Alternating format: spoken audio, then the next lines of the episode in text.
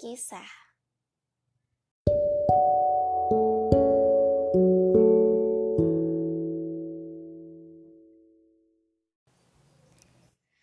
Seorang lelaki muda bernama Kois.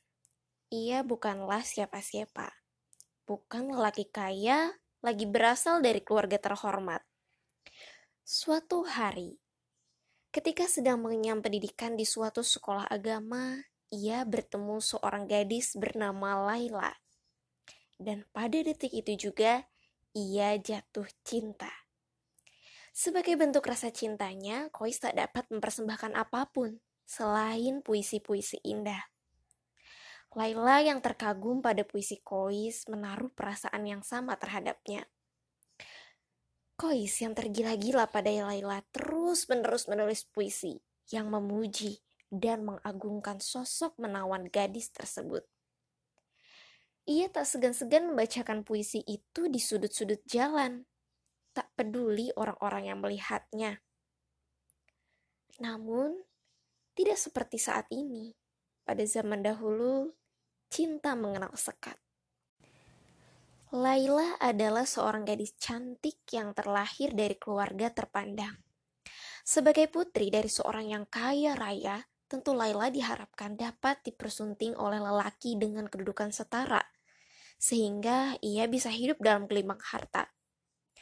Namun, cinta yang dimiliki Laila adalah cinta suci yang hanya akan ia persembahkan pada lelaki yang sungguh-sungguh ia cintai. Dan ia telah menemukan sosok tersebut dalam diri Kois. Begitu usia mereka sudah matang, Kois yang dijuluki Majnun atau gila oleh orang-orang lantaran ketergila-gilaannya terhadap Laila, akhirnya memberanikan diri untuk meminta restu ayah Laila. Hasilnya sudah dapat ditebak. Ayah Laila menolak mentah-mentah.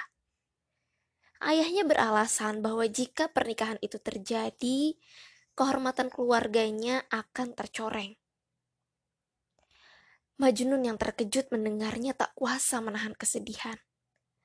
Majnun yang tengah putus asa kemudian meninggalkan rumah dan keluarganya. Ia memutuskan untuk tinggal di padang belantara. Di sanalah ia menjalani hidup, pengasingan, dan kesendirian.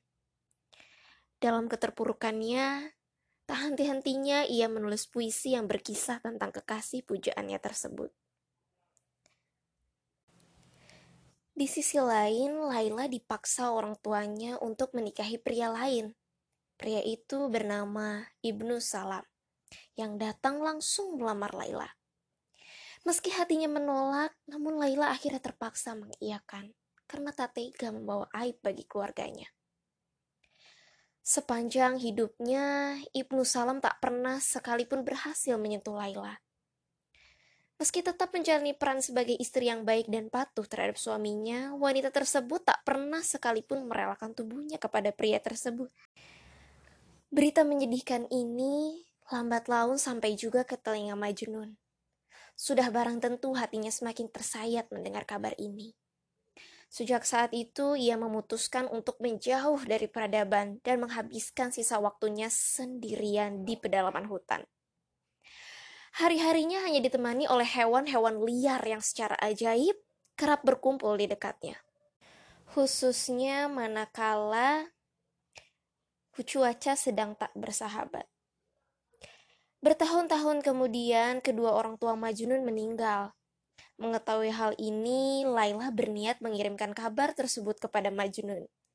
Ia menemukan seorang pria tua yang mengklaim sering melihat Majnun di gurun pasir. Melihat Laila memohon sesenggukan, Pak Tua akhirnya menyetujui permintaan Laila.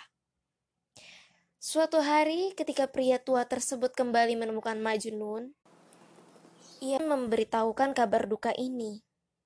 Tersiksa, terpuruk, dan menyesal mendengar kabar kepergian orang tuanya, Majnun kemudian bersumpah untuk menghabiskan seluruh hidupnya di padang gurun ini. Beberapa tahun setelahnya, suami Laila meninggal.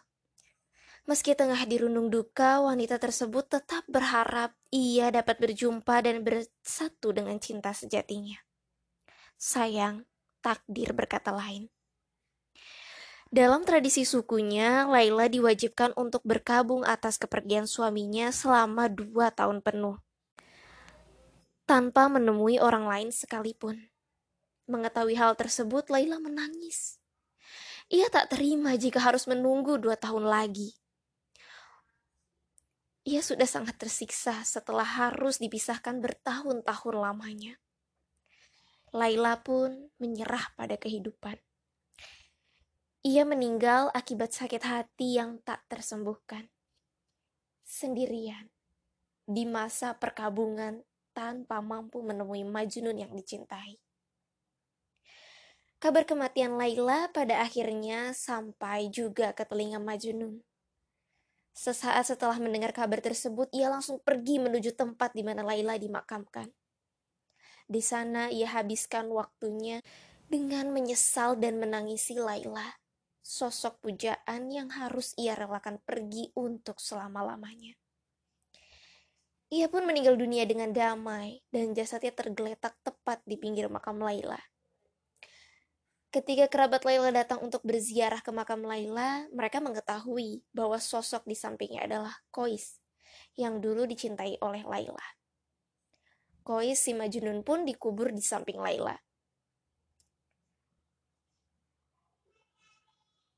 Konon, ruh mereka bersatu dalam dunia yang abadi. Begitulah kisah cinta Laila dan Majnun yang harus berakhir tragis dan memilukan. A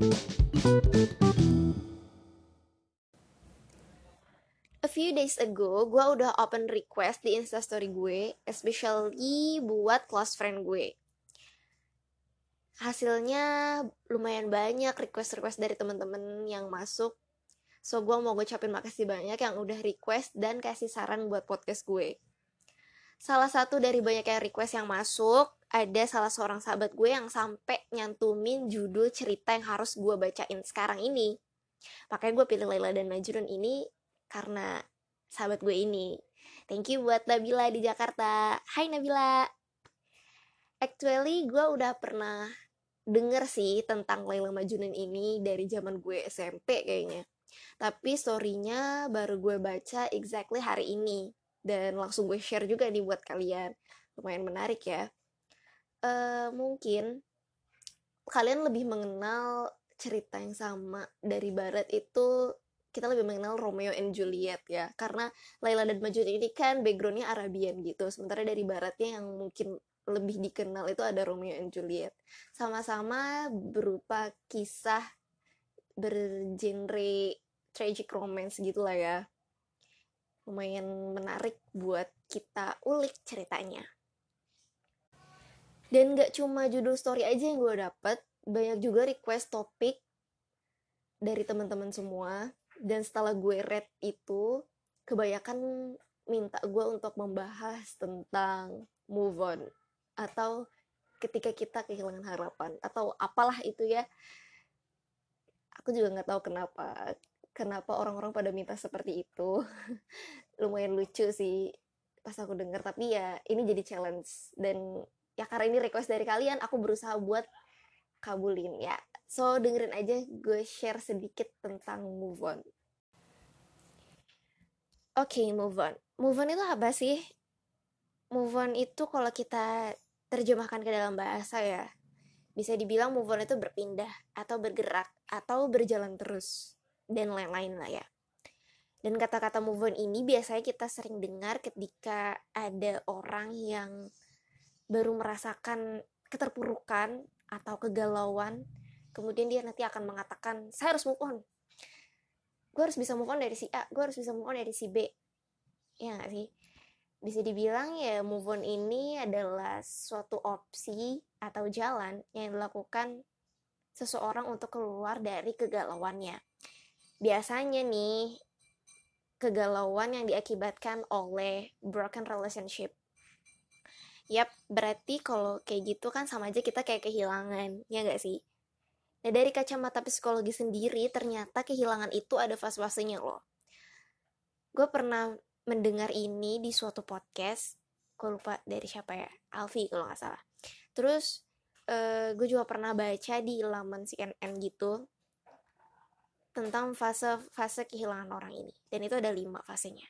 Pertama itu ada fase namanya denial atau penyangkalan. Karena sebenarnya heartbreak ini pasti bakal ngasih pain yang besar banget buat kita gitu. Sehingga kita pasti bakal menyangkal. Gak mungkin ini terjadi gitu kan. Ya mungkin yang pernah merasakan broken akan merasakan seperti itu tahu lah ya gitu terus yang kedua itu ada anger atau marah.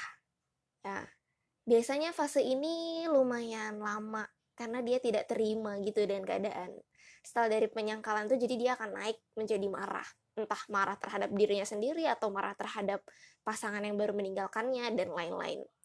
Kemudian yang ketiga itu ada bergaining bergaining atau tawar menawar tawar menawar di sini pasti dia tuh udah setelah dia marah dia kayak ada mulai pikiran-pikiran yang mulai kayak apa ya misalkan kenapa ya gue pas waktu tengkar nggak kayak gini aja? Wah di situ tuh mulai ada uh, tarik menarik tuh dalam pikiran dan perasaannya.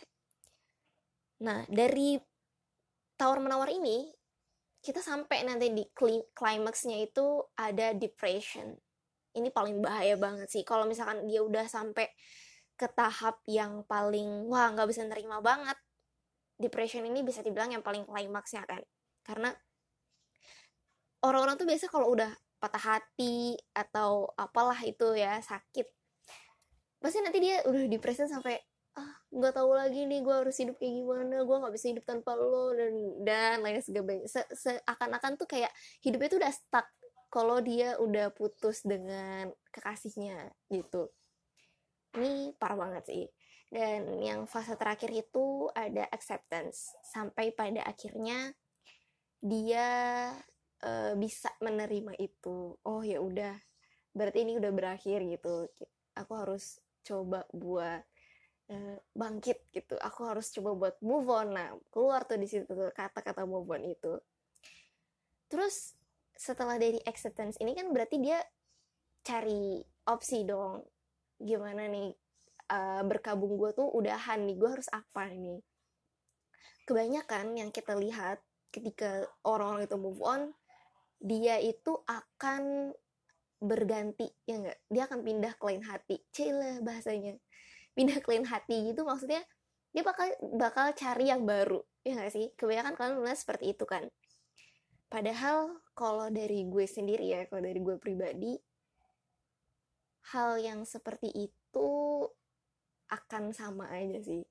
Ketika kita hanya berpindah atau menggantungkan sama lagi kepada dunia, ya lo harus siap-siap lagi buat kehilangan. Karena kan harusnya kita sudah mulai paham dan sadar ketika masa-masa kehilangan itu kalau kesenangan di dunia itu sifatnya temporer. So harusnya bisa berpikir ketika masa-masa berkabung itu. Terus apa nih yang harus gue cari? Berarti yang harus lo cari itu adalah kebahagiaan yang long lasting. Iya gak sih? Setuju gak sama pendapat gue?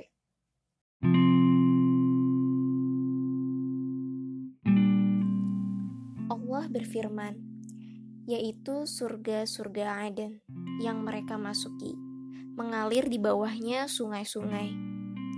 Di dalam surga itu, mereka mendapat segala apa yang diinginkan. Demikianlah Allah memberi balasan kepada orang-orang yang bertakwa. Guys, dalam Quran sendiri udah banyak kita temuin gambaran kenikmatan hakiki. Yap, betul. Di surga kita bisa minta apa aja yang kita inginkan.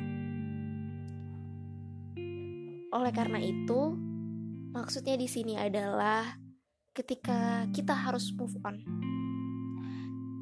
Yang dirubah itu yang utama adalah visi kita.